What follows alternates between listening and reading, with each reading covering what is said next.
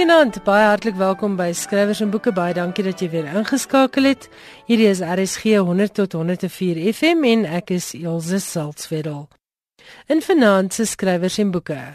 Heel eerste aan die beurt is Suzette Kotse Meiberg in gesprek met Christine Barkhuizen Leroux. Hulle gesels oor Christine se splinternuwe roman Drie klawerblaar. En in die tweede helfte van vanaand se program gesels Corina van der Spool met die letterkundige Jacomien van Niekerk oor die werk van Auntie Krog. En dan is daar natuurlik my gereelde gesprek met Johan Meiburg oor die internasionale letterkunde en die gebeurlikhede in die internasionale boekewêreld. Ek hoop jy geniet vanaand se program. Jy luister na skrywers en boeke op RSG. Christine Barkhuizen Leroux het in die jaar 2000 gedebuteer met 'n digbundel wat so goed ontvang is dat dit benoem is vir die Ingrid Jonker Poesieprys. Sedertdien het daar nog digbundels en gedigte uit haar pen verskyn, maar die afgelope paar jaar het sy baie bekend geword vir haar romans, romans soos Getuie en Padmaker. En Suzette Kotse Meiberg gaan nou met haar gesels oor haar jongste roman, drie klawerblaar. Hier is Suzette Kotse Meiburg in gesprek met Christine Barkhuizen Leroux. Geniet dit. Christine, baie welkom by ons in die ateljee. Hallo Suzette, lekker om hier te wees. Ons gesels oor jou nuwe boek, Drie klawerblaar. En jy sê jy daai storie by iemand gekry. Vertel 'n bietjie. Ja, dit was in die tyd dat Padmaker oor RSG gelees is. Uh toe kry ek een oggend 'n oproep van 'n man uit die Parel en hy sê hy luister elke oggend en hy hou baie van die storie en hy het vir my 'n storie as ek 'n storie soek. En ja, wat 'n skrywer soek nou nie 'n storie nie. Toe het hy Berrydale toe gery en ons het daar in 'n restaurant gesit en hy het vir my 'n ding vertel wat in die Klein Karoo gebeur het, 'n ware verhaal. Ja, iets gruweliks. 'n Geheim wat doodgeswyg is en wat hy op die ou einde by een van die heel oudste inwoners gehoor het en ek het net besluit dit moet dit moet vertel word. Ja. En jou storie het hierdie drie sentrale karakters. Abel Marie, die ouer man en uh Kate, die verpleegster, sy's ook al ouer, sy's al omtrent dis is afgetree en dan 'n uh, so klompie jare jonger 'n Tineke wat 'n gastehuis het.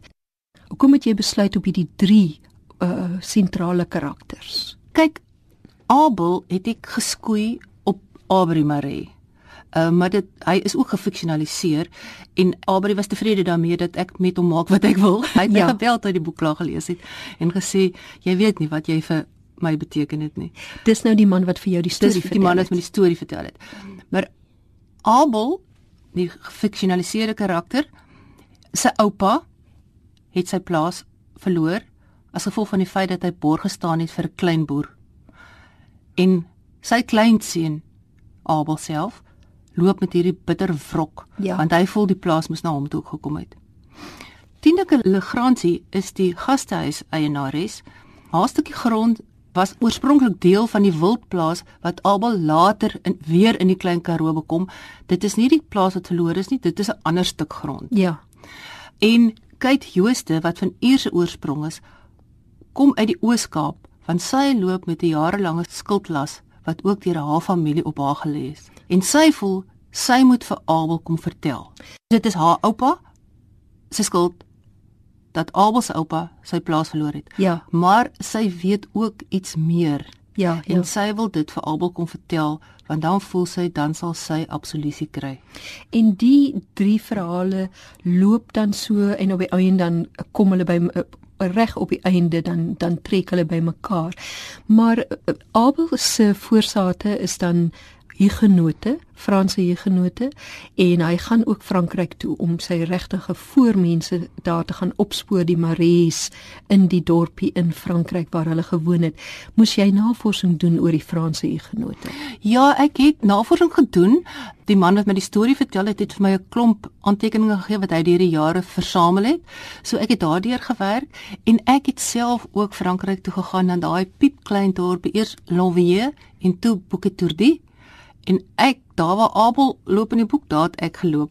En ek was baie bly dat ek dit gedoen het. Want toe kon ek kon voel ek ek kon voel hoe dit al voel. Ja. En dit is 'n kenmerk van jou boeke die manier waarop menseverhoudings staan sentraal. Wat vir my in hierdie boek baie uh, goed uitgebeeld is en wat baie sterk deurkom is hierdie verhouding tussen Tineke en Janus, haar man wat nou al oorlede is en en die manier waarop sy terugkyk oor haar lewe saam met hom. Daai problematiek, jouself 'n 'n boervrou, uh, is dit iets wat jy rondom jou sien, daai dinamiek tussen man en vrou? Ja, ek dink dit is iets wat vandag baie meer nog werklikheid is as wat mense besef dat die man eintlik nog maar die hoof en die heerser is van die huis. Nie net op 'n plaas nie ook in stede en dorpe. En dit voel vir my altyd dat dit is dit is 'n onreg teenoor vroue vroue moenie eeners wees as mans nie maar wel gelykwaardig Iemand het eendag van 'n kerkraadsvergadering afgekom en gesê hierdie nuwe dominee wat nou aflos by ons is nou 'n wonderlike dominee. Dit dit was 'n man wat huis toe gekom het en hy het gesê hierdie jaar gaan hy die huisbesoeke nie doen soos in die verlede nie. Hy gaan die manne op die land besoek en die vroue in die kombuis. en die vrou aan wie dit vertel is was verskriklik kwaad. Die vrou was eintlik ek. Ja, want uh, hy sou jou in die studeerkamer aangetref het en en nie in die kombuis nie. Ja, nie noodwendig, maar dis so uh, en dan dink as dit is met soveel trots vertel van hierdie dominee wat so wonderlike ding gaan doen en dis van selfsprekend gaan die vrou in die kombuis wees. ja. Besig om met beskuitblikke vol te maak. Justament. En die die ander verhouding wat ook sentraal staan in hierdie tussen hierdie drie sentrale karakters in tussen hulle lewens uh en veral dan by Tineke is die verhouding tussen die ma en die dogter. Nou jy is self 'n ma, is dit ook iets wat jy dan baie uitgeput het? Ek dink as ek nie 'n ma was nie van volwasse dogters, sou ek nie my so goed kon indink oor hoe so 'n jong vrou reageer teenoor haar ma en die ma teenoor so 'n jong dogter nie. Terwyl ek daai stukke geskryf het, ek met myself gepraat asof ek Tineke is en Jakkie een van my dogters is. So dit is nie hulle nie, maar ek het 'n soort verhouding uit my eie lewe geput wat ek hier gebruik het. Wat vir my besonders was is die uh, kinkel wat mense nou later in die boek teekom en dit is dat Jakkie was in 'n tronk aangehou in Egipte uh, in Kaïro weens die Tahrirplein opstande. Dit was vir my 'n geweldige goeie ingewing. Dis dit kom so as 'n skok. Hoe op aarde het 'n Afrikaner meisie in die tronk beland in Egipte? Waar het jy daai idee gekry? My oudste dogter is een wat oral na toe gaan en sy het vir 'n jaar in Sudan gewerk net voordat die opstande daar uitgebreek het paar jaar terug. En sy het op 'n keer met haar kamera deur die vensters aan 'n foto's neem van die buitewêreld en huise en so. En die volgende ding wat sy besef het, toe klop die polisie aan haar deur en toe konfiskeer hulle haar kamera en hulle wou haar in 'n sel gooi. Sjoe. Na daai jaar wat sy klaar gemaak het in Sudan, uh, was ek en sy saam in Egipte en ek het net gedink dit is 'n interessante stuk en ook om Tineke se lewe 'n bietjie te aktiveer hier na die einde toe. Ja. Was dit vir my 'n uh, 'n goeie idee om hierdie dogter in te bring. Ja, daar's daar's twee katalisators eintlik in die in Tineke se lewe in die verhaal en dit is Kate wat ook 'n belangrike katalisator in uh, Abel se lewe is en Jakkie is die ander katalisator veral dan na die einde toe. Ja, ja, wat op die einde uh, ja, hoe die einde uiteindelik uitspeel. Maar die omstandighede in daai tronk self wat uh, Jakkie dan nou beleef het. Waar het jy daai detail gekry want dit was vir my aangrypend. Ek het baie navorsing gedoen daaroor, hoofsaaklik maar op die internet. Maar ek het ook boeke in boeke rond gekyk en kyk hoe dit regtig is en het gaan kyk hoe lyk so 'n Egiptiese polisievang waar uh, dat ek nou nie verkeerd beskryf nie. Maar dit was vir my interessant ook. Ja, dit is en wat by my opgekom het is daai beeld van uh daai wat hulle die mense in die hof in daai hokke het, soos daardie ehm um, afgesette leier van Egipte. Het jy mos gesien so in daai in daai hok in die ja, hof. Ja. En dit is toe ek dit destyds gesien het, dit, dit is iets wat jou so half skok. Jy weet daai daai verdierliking. Ek het spesifiek navorsing gedoen. Ek het gaan lees oor sake wat gebeur het en mense wat werklik aangehou is en wat hulle daaroor skryf. Daar was 'n daar's 'n Nederlandse uh uh man hy maak inligting bymekaar oor die internet of waar ook al en hy het my ook daarmee gehelp. En nog iets wat vir my wat ek baie lekker aangelees het is die hele protea kwekery wat Tineke ge gedoen het en die manier hoe dit vir haar as vrou haar eie wêreld gegee het. Uh dit het jy ook pragtig gedoen so hoe die proteas in die storie beland.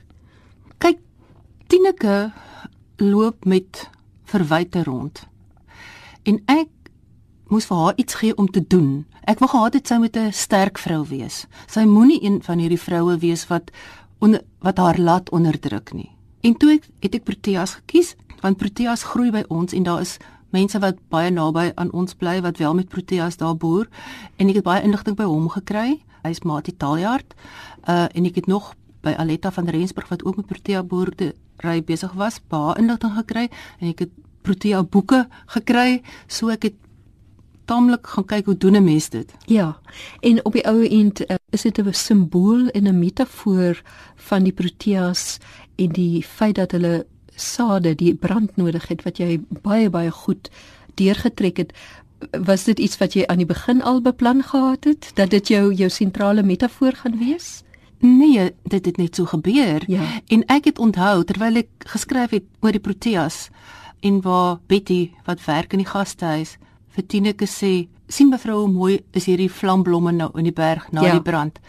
My jongste dogter het bewaringsekologie studeer en sy het vir my beklemtoon hoe belangrik dit is dat plekke, berge en so soms moet brand Ja. vir sommige sade om te ontkiem. Daardie hele paradoks Ja. van uh, jy kan nie nuwe lewe kry sonder dat daar nie eers dood en vernietiging is nie. Ja. Uh, en dan natuurlik die die Seruria, die uh, bergbruikie is is so mooi. Dit is daarom 'n ongelooflike mooi klein proteaatjie. Ja, dis so 'n dis dis regtig 'n teerblommetjie. Ja, ja. En jy skilder ook. So jou jou skryfwerk is baie sintuiglik. Jy kleur dit in uh, al die uh, mense sintuie wat jy gebruik. 'n Mens ruik die veld deur jou skryfwerk. Mens sien die uh, verskillende die groene, dofgroen van die Karoo. Is dit dat jou skilderwerk of ek wil amper sê daai deel van jou het dit 'n invloed op jou skryfwerk? Ek dink so en ek dink daar kom die poësie ook by in. Ja, ek leef nogal met oop sintuie. Daai sintuie wat ek gebruik vir skilder, wat ek ook gebruik vir die poësie, kom dan ook in my prosa tereg. Hoe het die skilderwerk begin? Is dit maar 'n stokperdjie al die jare gewees? Ek het as kind altyd geteken. Ja, en toe het daar op 'n dag 'n skilder by ons in die gastehuis kom bly en ek het ook lus gekry om iets te skilder en toe het ek een oggend gaan stap en 'n peerboomblaar opgetel en die blaar geskilder en toe het sy vir my gesê, "Oh, my jene my kind, ek hou van jou blaar." en so het dit begin. So ek het myself maar bietjie opgelei. Wanneer skilder jy en wanneer skryf jy? Want dis albei goed wat baie tyd vat. Ek skilder nou baie minder want ek voel altyd ek steel van my skryfwerk se tyd. Skryfwerk is maar vir my die belangrikste. Uh skilder is meer soos ontspanning, maar ek kry dit moeilik reg om te ontspan.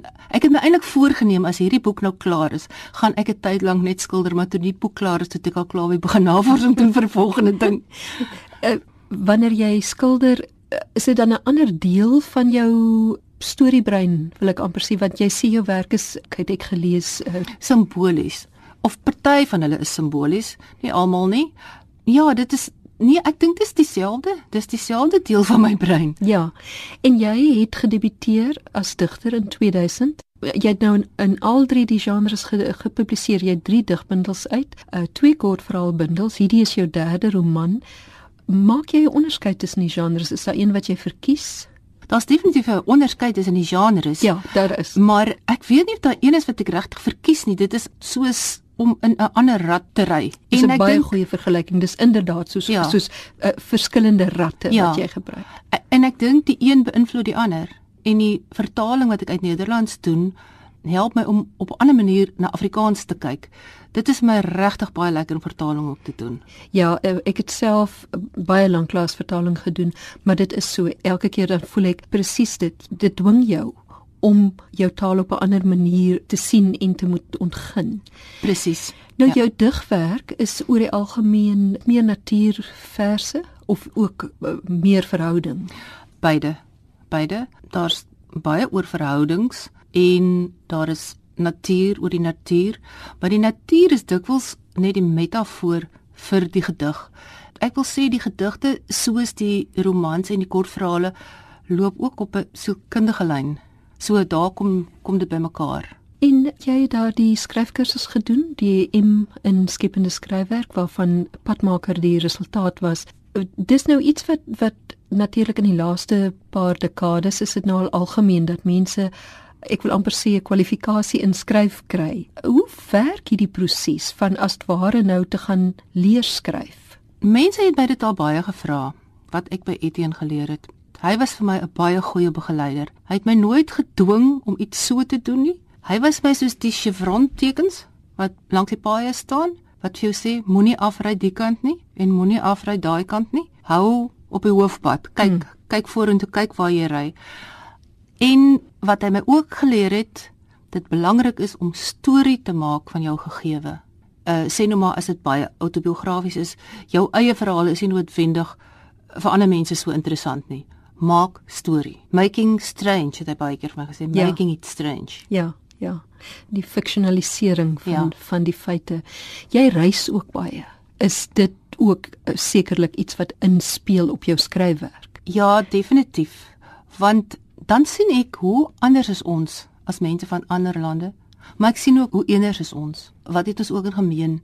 En die dinge wat ek sien en ervaar, die mense wat ek ontmoet, daar het regtig al wonderbaarlike goed met my gebeur op my reise. Dit het alles 'n invloed op my lewe en dit wat 'n invloed op my lewe het, vind iewers 'n weg in 'n boek of al is dit net 'n manier om iets te stel. Ja. Ja, hierdie boek is eintlik ook 'n um, 'n reis na binne vir al drie karakters. Dis ook 'n sielkundige reis. Ja. Om uit te kom, hulle loop met hierdie probleme, maar hulle moet hierdie reis aanpak om eers by 'n punt te kom. Ek wil nie sê 'n eindpunt nie, maar 'n punt waarvan hulle dan na 'n ander plek kan gaan. En jou verhaal hierdie ene speel rondom Berrydale af waar jy nou ook al vir baie jare woon.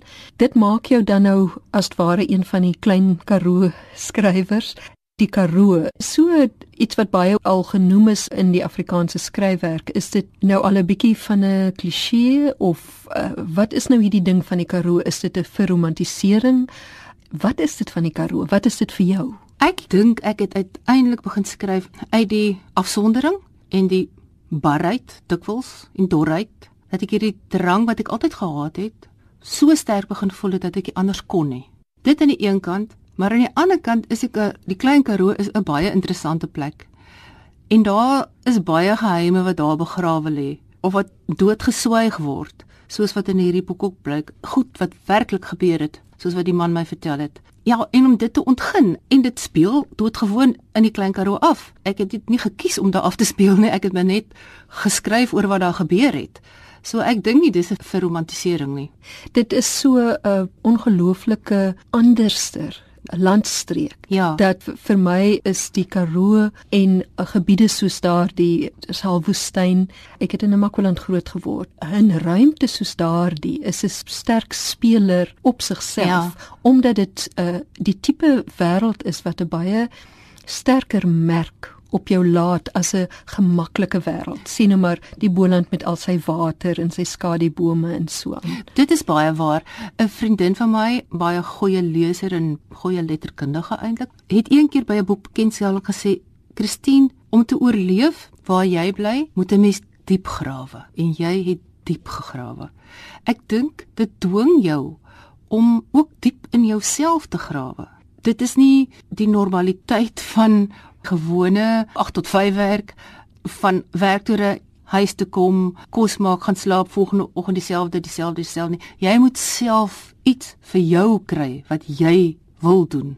Wou jy altyd skryf? Ek het 'n juffrou gehad toe ek in Sibbe was wat vir my gesê het as jy aanhou sulke mooi sinnetjies skryf, kan jy enige skrywer word. Dis En die juffrou het ek in padmaker melding van gemaak en ek het werklik ook die juffrou gaan opsoek voor sy dood is. Die aanmoediging en die miskien net 'n positiewe opmerking van 'n onderwyseres of iemand wat in jou lewe 'n belangrike rol speel, ek dink 'n mens kan dit nooit oorskat nie. Dit was Suzette Kotse Meiburg in gesprek met Christine Barkhuizen Leroux oor haar jongste roman Drie klawerblaar. Dit verskyn by Iman en Resou en kos R275. Corina van der Spool gesels nou met die letterkundige Jacomin van die Kerk oor die werk van Auntie Krog. Ek gesels vandag met Jacomin van Niekerk. Sy is 'n dosent aan die Universiteit van Pretoria in Afrikaanse letterkunde. Jacomin se boek Baie woorde, identiteit en transformasie by Auntie Krog het pas verskyn by Van Skyk Uitgewers. Jacomin, hierdie boek is die omwerking van jou doktorale proefskrif wat die titel het Om te hoort. Aspekte van identiteit in Auntie Krog se transformasie trilogie. Jou boek wat nou gepubliseer is, se titel is Baie woorde. Watter behoort of wording of baie woorde is hier ter sprake? Ja, die um, proefskrif se titel wat natuurlik 'n vreeslike proefskriftitel is en wat ek dus moes verander vir die boek. Daai regtig op ja, al die verskillende plekke en affiliasies van Krog dat sy waar hoort sy in haar Afrikaner agtergrond, haar onmiddellike gesin, maar uiteindelik ook die groter Suid-Afrikaanse nasie is mag sy haarself 'n Suid-Afrikaner noem, mag sy haarself 'n Afrikaan noem. Dit is 'n baie komplekse saak. So dit is ja, daardie woord wat ek ondersoek het. Die drie nie-fiksieboeke van Antjie Krog wat jy in jou boek bespreek, handel almal oor 'n soektog in in die nuwe demokratiese Suid-Afrika. Kan jy kortliks 'n idee gee van wat hierdie drie boeke is, hulle titels en wat waarna is hierdie soektog? Ja, Country of My Skull is die beroemde een. Dit is in 1998 verskyn. Dit wil sê net na die Waarheid en Versoeningskommissie verhore afgehandel is en Krog was daar 'n verslaggewer vir die SAK. En dit is die getuienisse van slagoffers verteenwoordigende getuienisse sal mense sê um, van die ergste verhale van die apartheidstyd opteken. Maar dan daarmee saam weet, wat beteken die verhore um, vir die geboorte van 'n nuwe Suid-Afrikaanse nasie? Is dit iets beslissends wat ons die kans gee om vorentoe te beweeg? En die soektog is dan daarna begrip vir wat gebeur het, begrip vir die slagoffers, begrip vir ook vir die aandadiges en daarmee saamkom bewustheid van 'n sekere medepligtigheid van almal wat niks gedoen het in die tyd toe hierdie dinge plaasgevind het nie. A Change of Tongue en wat in 2003 verskyn het en ook die enigste een van die trilogie is wat ook in Afrikaans is, 'n ander tongval is dan 'n bietjie later. Um, ons kan 'n paar jaar vorentoe spring na die soos jy gesê die nuwe demokratiese Suid-Afrika en Krog gaan veral Kroonstad toe maar ook ander dele van die land en sy gaan gesels met mense by munisipaliteite en mense in verskillende sektore van die samelewing en vra hoe het Suid-Afrika verander? Is dinge al enigsins anders as wat dit was? So kry sy dan verskillende antwoorde oor wat dit vir mense beteken dat Suid-Afrika so genaamd besig is om te transformeer. Dit is ook die teks gaan ook oor 'n reis na Wes-Afrika waar Krog deel was van 'n poesie karavaan en dit was 'n baie ingrypende reis vir haar om die kontinent te beleef van baie naby en te voel dat sy ook inderdaad by da, by die kontinent in Hebreë wil hoort, nie net Suid-Afrika nie. Begging to be Black van 2009, die derde boek, is nogal anders. Dit is weer eens um kronologies natuurlik val dit dan nou later.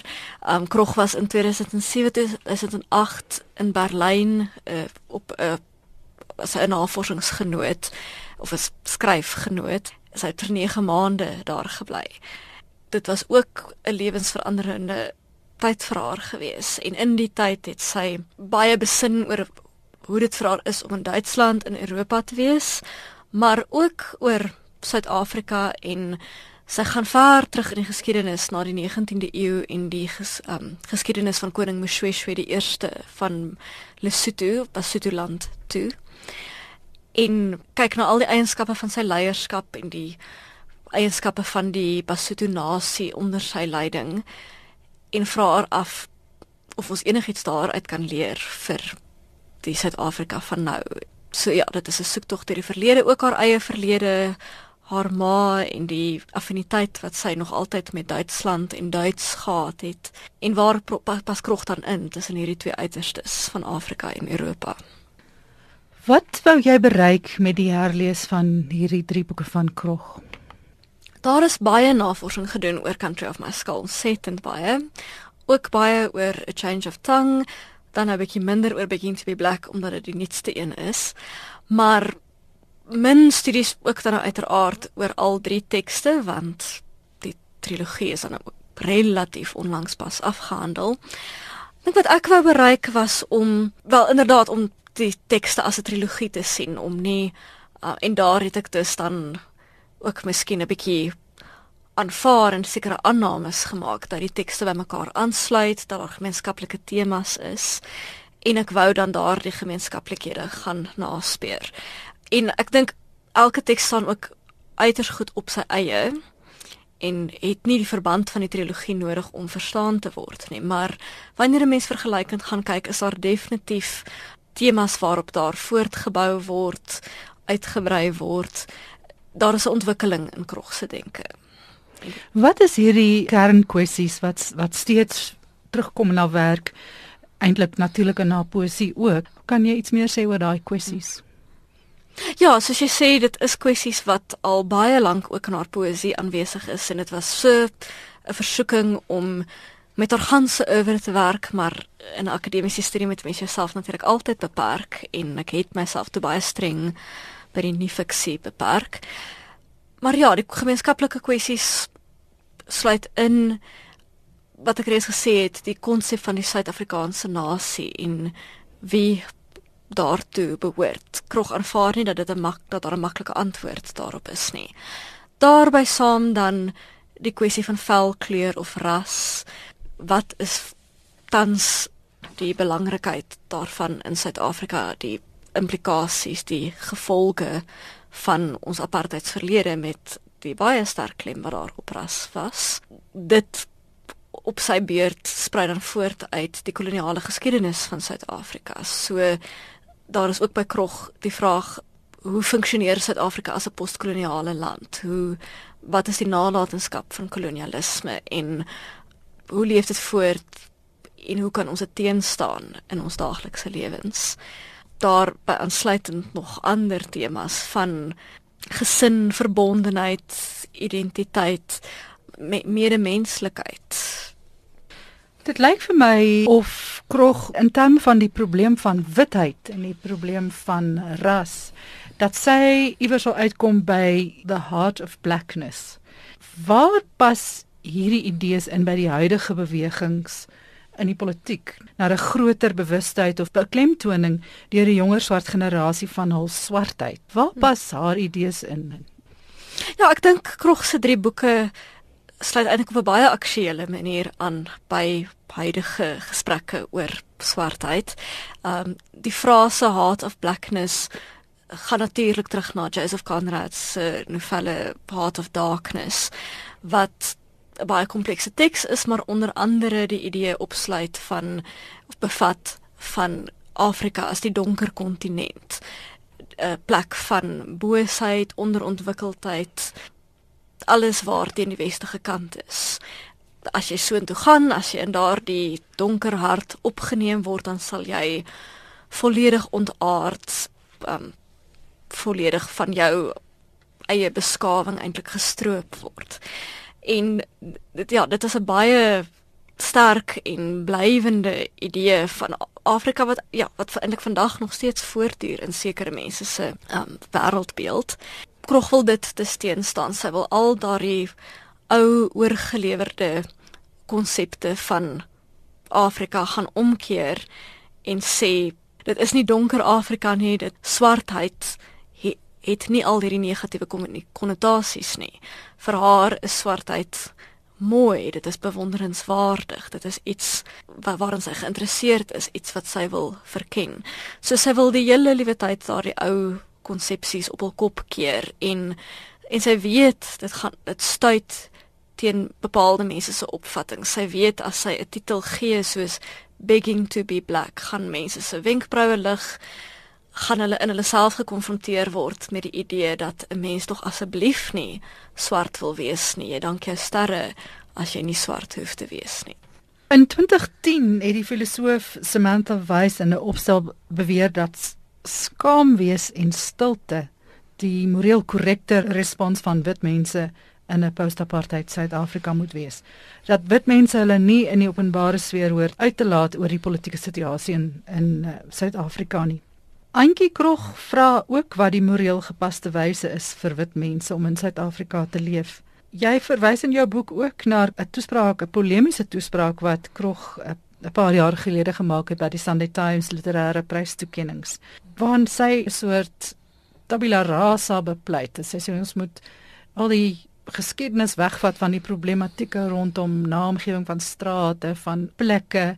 En ek gewonder hoe sluit haar idees aan by of verskil dit dalk van Samantha Weiss se posisie wat sê wit mense hoort nie eintlik te praat in 'n demokratiese Suid-Afrika nie.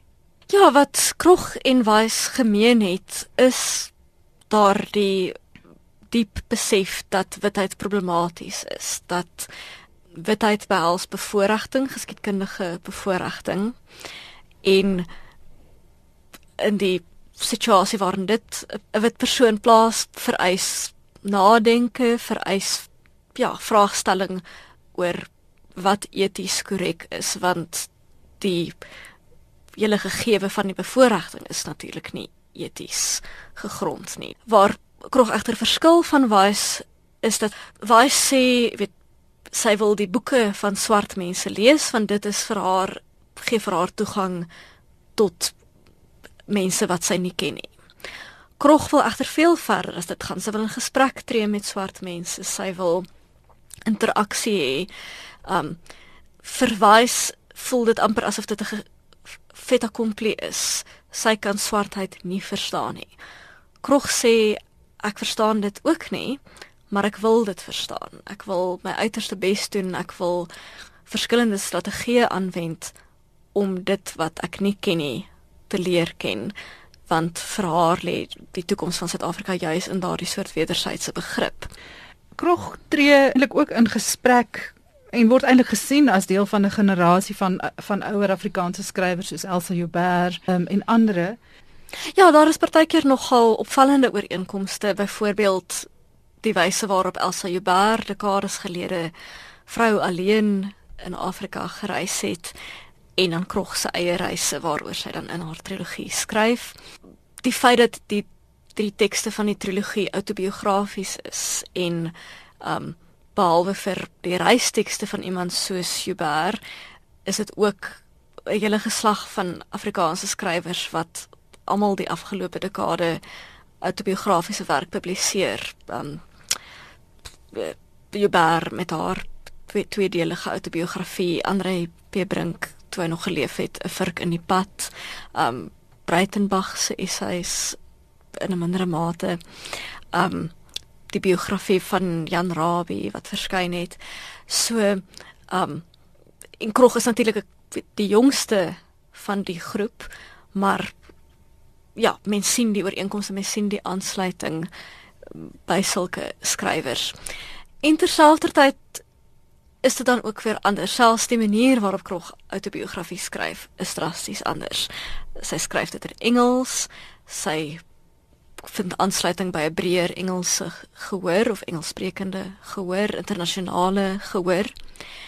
En sy daag die grense uit van wat die um konvensies van die autobiografie en sy skryf um tekste wat uiteindelik ook die konsep van die skrywer ondermyn. Wie is Krog eintlik in hierdie tekste? Is die ek altyd Antjie Krog wat ons ken as digter of is sy besig om konstant te fiksionaliseer en ook haarself te fiksionaliseer om by die dieper waarheid uit te kom waarvan sy skryf wat eintlik haar doelwit is. Ja, en dan sou ek sê dat iemand soos Elsa Joubert ook na gemeenskappe toe gaan, na lande en gemeenskappe toe gereis het en gesprekke gaan voer het met swart leiers in verskillende lande omdat sy op soek was na antwoorde oor apartheid Suid-Afrika. En dit doen Krog dan ook um met lewende mense, die ges baie gesprekke wat sy in die drie tekste opskryf, maar ook die voorbeeld van koning Moshoeshoe of meer onlangs oud-president Nelson Mandela. Deur hierdie figure voor te hou as gedeeltelik ook as metafore, probeer sy om antwoorde te vind oor die geskiedenis van Suid-Afrika maar ook die hede. Hoe posisioneer Antjie Krog haarself met betrekking tot die onderwerp waaroor sy skryf? Dit is eintlik 'n baie komplekse vraag en 'n komplekse onderwerp ook in die in my studie gewees. Daar is sommige mense wat te maklik wil aanvaar dat Krog se posisie die van 'n wit Afrikaner vrou is en dat sy dan met ander woorde namens alle Afrikaners skryf. Of dan omdat sy in Engels skryf en dit is 'n bietjie meer insluitend en oorkoepelend aanvaar ander weer dat sy namens alle Suid-Afrikaners praat, alle wit Suid-Afrikaners. En dat die onregte van die verlede wat sy met ander woorde verken en die tentatiewe voorstelle wat sy maak vir verandering en persoonlike transformasie dus op almal van toepassing is en dat sy dit ja, soos ek sê namens 'n hele groep mense doen. En ek dink 'n mens moet versigtig wees om dit sommer net as 'n gegewe te aanvaar. Sy erken en um, verklaar baie duidelik haar Afrikanerskap. Sy skryf baie in die drie boeke oor haar verlede, oor haar gesin, Kroonstad, die Vrystaat. Um so sy is absoluut ingebed in daardie kultuur en omgewing. Maar haar posisie is ook een van 'n sekere nie woord vir akademiese term wat ons sou gebruik is 'n liminale posisie. Sy's tussenin. Sy is nie die een of die ander nie. Sy is nie 'n nasionalistiese Afrikaner nie. Maar sy sal ook nie haarself ja op 'n meer waardige wyse ehm um, totaal losny van daardie deel van haar identiteit nie. So dit is 'n samengestelde identiteit, dit is 'n um 'n identiteit in wording. Sy is nog steeds besig om te vra wat daardie identiteit behels en waaruit dit alles bestaan. Onder andere is die antwoord dan dat dit haar witheid nie die enigste ding is waar sy gekenmerk wil word nie. Haar Afrikaansheid is nie die enigste ding wat sy as belangrik beskou nie. Sy wil ook breër verbande hê, sy wil ook 'n breër aansluiting by die groter Suid-Afrikaanse gemeenskap hê. In daardie opsig dink dink ek dan is haar posisie een van iemand wat vrae stel, wat net konstant baie vrae vra oor hoe dinge was, hoe dinge sou kon wees. En dit is nie altyd die antwoorde wat die belangrikste is hier nie. Partykeer kom sy tot gevolgtrekkings wat wat regtig bietjie problematies is, maar dit is die vrae wat so interessant is en dit is vrae wat niemand anders besig is om op, op presies dieselfde manier as sy te vra nie. En uit daardie vrae kan daar dan 'n geweldige interessante gesprek voortkom en dwing sy 'n mens om anders oor dinge te dink.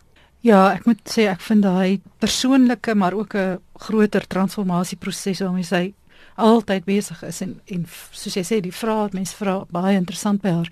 Dit laat my eintlik wonder of ons nog weer so 'n boek van haar sou kon sien. Ja, ek is self nuuskierig. Ek was baie dankbaar dat sy nie 'n vierde boek geskryf het terwyl ek nog met die studie besig was nie, want dit sou my hele titel bederf het. Maar ehm um, ja, mees onlangs is daar 'n versameling essays van haar wat in Amerika verskyn het, Conditional Tense, wat almal op 'n of ander manier weer terugwentel na die waarheids- en versoeningskommissie en die ingrypende invloed wat dit op haar gehad en haar denke gehad het en sy probeer dit nog steeds uitmekaar trek en verstaan. En daar is ja, 'n klompie baie interessante essays daar wat autobiografiese werk betref. Wonder ek self, ja, wat kom volgende? Sy het gelukkig ook weer in 2014 nuwe gedigte gepubliseer. So op die een of ander wyse gee sy ons die hele tyd nog iets om er, om mee te werk en mee in gesprek te tree. Dan miskien uiteindelik 'n meer praktiese vraag. Daar's baie mense wat daaraan dink om hulle proefskrif gepubliseer te kry. Dit is egter nie so eenvoudig soos dit nie. Kan jy iets meer sê oor die proses van die omskrywing of die herskrywing van 'n proefskrif sodat dit 'n boek kan word wat mense wil lees? Ja, ek het ook nie veel daarvan geweet toe ek aangemoedig is om dit te doen nie. Ek het 'n klein boekie gaan lees wat baie behulpsaam was, From Dissertation to Book, deur William Germane, 'n uitgewer wat die boek gaan skryf het vir ak jong akademici in Amerika. Ja, ek het baie van sy riglyne gevolg dat die styl van 'n proefskrif en 'n boek en 'n akademiese boek tog subtiel anders is. In 'n proefskrif is jy besig om jouself die hele tyd te verdedig teen al jou moontlike kritisie insluitende jou eksaminatore. In 'n boek kan jy dinge met 'n klein bietjie meer gemak sê. Jy hoef jouself nie so konstant van alle kante af te probeer beveilig nie. En wat baie belangrik is in 'n boek is dat jou eie stem moet deurkom. In 'n proefskrif haal jy die hele liewe tyd ander mense aan, soveel sodat jou eie standpunt partykeer gerieflik onnaspeurbaar is. Maar in 'n boek kan jy nie daarmee wegkom nie. Jy moet 'n sekere standpunt inneem. Nie op 'n pedantiese manier dat jy die hele liewe tyd sê, maar ek dink dit en ek glo dit en in my opinie, maar net op 'n leesbare manier moet jou boek 'n sekere beskeie bydrae maak en iets niets sê wat nog nie presies so gesê is nie. En dit was regtig lekker. Dit maak die akademiese skryfproses ook anders eintlik as 'n mens so daarna kyk. Baie geluk met die boek wat jy gepubliseer het. Jacomin van die Kerk se boek met die titel Baie Worde: Identiteit en Transformasie by Antjie Krog wat by Van Skyk Uitgewers verskyn het en wat kan bestel by enige goeie boekwinkel of by aanlyn boekwinkels. Dit was Corina van der Spool in gesprek met Jacomin van die Kerk. Skrywers en boeke. Elke Woensdag aand tussen 8 en 9. Jan Meiburg, baie welkom by my in die ateljee. Jy het onder meer nuus oor 'n splinternuwe boek uit die pen van 'n baie gewilde skrywer, maar dit kom eers aan die einde van jou bydrae. Dis aan die einde. Dis reg. Pen International, die internasionale skrywersorganisasie, het na die moord op 'n Jordaniese skrywer gesê wette wat ingestel is teen godsdienstkrenking moet sonder versuim herroep word. Naait Tatar is op 25 September 3 keer in die kop geskiet nadat hy 'n spotprent op Facebook gedeel het. Die spotprent is gesien as beledigend teens Islam. Tatar was op pad na sy verhoor in die Hooggeregshof in Amman toe hy deur 'n imam geskiet is. Salil Tripathi, voorsitter van PEN International se komitee vir gevangenes, het gesê die moord op Attar is die jongste in 'n reeks aanvalle gedryf deur godsdienstige motiewe op skrywers. Van die aanslag op Charlie Hebdo in Parys tot die moord op bloggers in Bangladesh en die aanvalle in Indië deur ekstremistiese Hindu nasionaal gesindes. Wette teen enige vorm van godslastering maak van skrywers, spotprenttekenaars, joernaliste En ander wat gewoon vryheid van spraak beoefen, niks anders nie as teikens, het Tripathi gesê. Attar, 'n skrywer wat openlik is in sy kritiek teens ISIS en Al-Qaeda, het homself aan die owerheid oorgegee nadat die Jordaniese premier 'n ondersoek na die plasing van die spotprent op Facebook gelas het. Die spotprent is die van 'n bebaarde man wat 'n sigaar rook in 'n tent met twee vroue by hom in die bed. Hy vra God dan in die figuur van 'n slaaf om vir hom wyn en neute te bring. Hy vra God ook om 'n deur vir die tent aan te sit sodat hy kan klop voordat hy volgende keer inkom. Voorstellings van God of die profeet Mohammed is verbode in Islam en is onwettig in die streng konservatiewe Jordanië. Attar het onmiddellik na die storm wat op Facebook losgebars het, die spotprent verwyder en in 'n verskoning aangedui dat die spotprent God nie beledig nie, maar die spot dryf met terroriste se voorstelling van die hemel. Die Jordaniese owerheid het na die moord op Attar 'n verbod geplaas op enige berigte oor die skietvoorval. Ja, en die onverdraagsaamheid wat toeneem reg oor die wêreld is dan absoluut verskriklik dit word nie minder nie. Jy's nee, reg. Nee, en dit is uh die, ek weet godsdienst is 'n sensitiewe saak, maar die ekstremiste wat al hierdie onregte pleeg in die naam van godsdienst is verbuisterend. Wel, die man was op pad na sy verhoor toe oor die saak. Hy het homself oorgegee. Het sy fout erken en hy het dit verwyder. En, en, en hy was bereid om deur hofsaak te sit toe hierdie um, geestelike hom net gewoon op pad daarheen geskiet het. Reg in eie hande neem. En ons moet in Suid-Afrika aanhou beklei vir die reg van vryheid van spraak en ons moet aanhou beklei teen ekstremisme. Emer McBride, die skrywer wat jare lank gesukkel het om 'n uitgewer te kry vir haar eerste manuskrip, wat terwyl uitgegee is as A Girl is a Half-Formed Thing, en die een prys na die ander ingeryg het. Sy tweede roman, The Lesser Bohemians, is benoem vir die Goldsmiths Prys.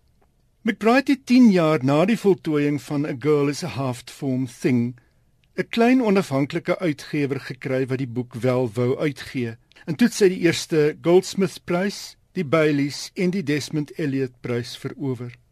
The Lesser Bohemians, uitgegee deur Faber and Faber, ding mee met vyf ander romans vir die prys wat in 2013 tot stand gekom het en fiksie bekroon wat nuwe moontlikhede vir die romankuns ontgin. Die skrywers moet Brits of Iers wees en die boeke moet uitgegee wees deur 'n Britse uitgewer.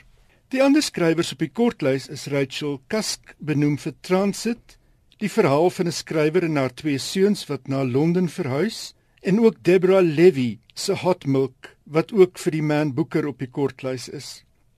En dan is daar Mike McCormack, benoem vir sy Solar Bones, 'n verhaal wat afspeel op Allersiele Dag in Ierland kort voor die resessie. Sarah Lapido Manyika se Like a Mule Bringing Ice Cream to the Sun oor 'n ouer wordende Nigeriese vrou in San Francisco en Anakana Schofield se Martin John oor die lewe van 'n eksentrieke alleenloper. Die prysgeld is 180 000 rand en die wenner word op 9 November aangekondig. Jy sê sy het 10 jaar gesukkel om die boek gepubliseer te kry en toe wen hy 3 van die grootste letterkundepryse ter wêreld.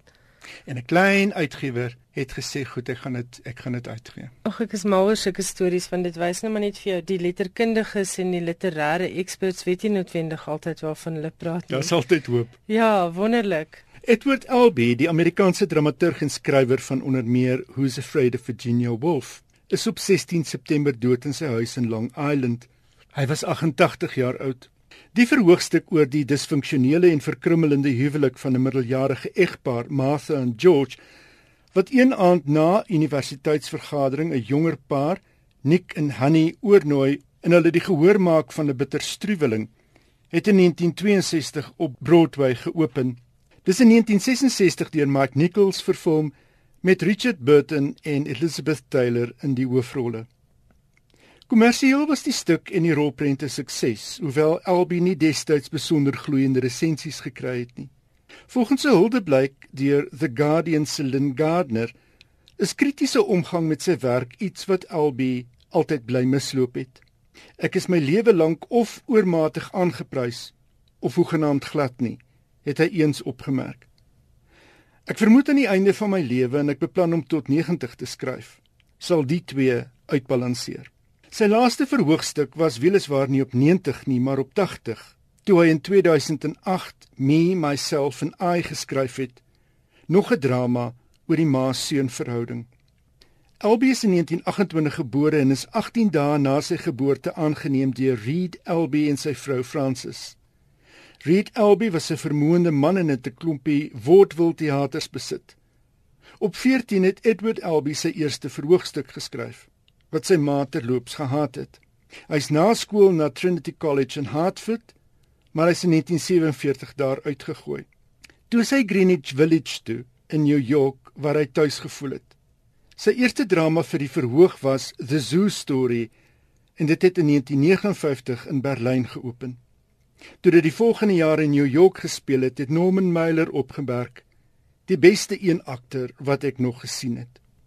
Oor die kritiese omgang met sy werk wat hy bly mis het, wel, 'n mens kan dit seker op verskeie maniere interpreteer. Nietemin het Albie in 1963 die Tony Prys vir Who's Afraid of Virginia Woolf gekry en boonop ook die Pulitzer Prys vir drama. Ten slotte, vir Dan Brown lesers. Die jongste roman uit die pen van die skrywer verskyn September volgende jaar. Die titel is Origin en volgens die uitgewer Penguin Random House is die held Robert Langdon in die boek op die punt om nog eens 'n aardskuddende ontdekking te maak. Volgens sy uitgewer is meer as 200 miljoen eksemplare van Brown se boeke waaronder The Da Vinci Code, Angels and Demons en Inferno tot dusver gedruk en sy werk is vertaal in 56 tale. Ek wonder net oor die druk wat hulle nou op die arme man sit om sommer 'n jaar vooruit al aan te kondig sy volgende boek is daai en daai tyd op die rakke. Ek wonder kry mense nie so klein bietjie angs en bewing in jou hart as jy die skrywer is nie. Ja, as hy as hy as hy klaar geskryf is, dan is dit nie 'n probleem nie. Ja, maar sê nou maar hy het nou vir hulle gesê luister ek het 'n great idee en hulle sê goed so, ons stuur dadelik 'n persverklaring uit. Jan, baie dankie. Ons gesels volgende week weer.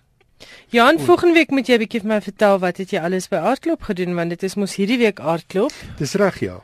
En daar's lekker gesprekke by die ATKV Boeke Oase en daar's kuns, jy's mos 'n kunsman. Das das wonderlike kuns, das wonderlike teater, maar dit is dis die gesprekke en die ehm um, en die boeke by die ATKV Boeke Oase wat wat wat as dit ware die as jy 'n rukkie tussen produksies het, is dit die plek om vinnig te gaan koffie drink as jy dan nie net spesifiek na 'n gesprek gaan luister. Ja, en dis gratis. Dit is is gratis. wat vir my so lekker is en uh, die koffie daar is regtig lekker en die atmosfeer daar is my altyd heerlik en daar's altyd mos 'n boekwinkel ook. As 'n boekwinkel en en dis ook 'n dis ook 'n plek waar jy dalk 'n skrywer kan ontmoet.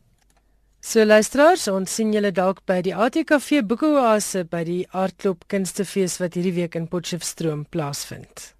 Dit was dan die bydrae van Johan Meiburg. daarmee het ons aan die einde gekom van Finansies skrywers en boeke. Volgende week maak ons weer so dieselfde tyd, 8uur volgende Woensdag aan dieselfde plek, net hier op RSG 100 tot 104 FM. Die e-posadres is skrywers en die SMS lyn se nommer is natuurlik 34024 en onthou elke SMS kos R1. daarmee groet ek dan geniet die res van vanaand se programme ons gesels gou weer. Totsiens.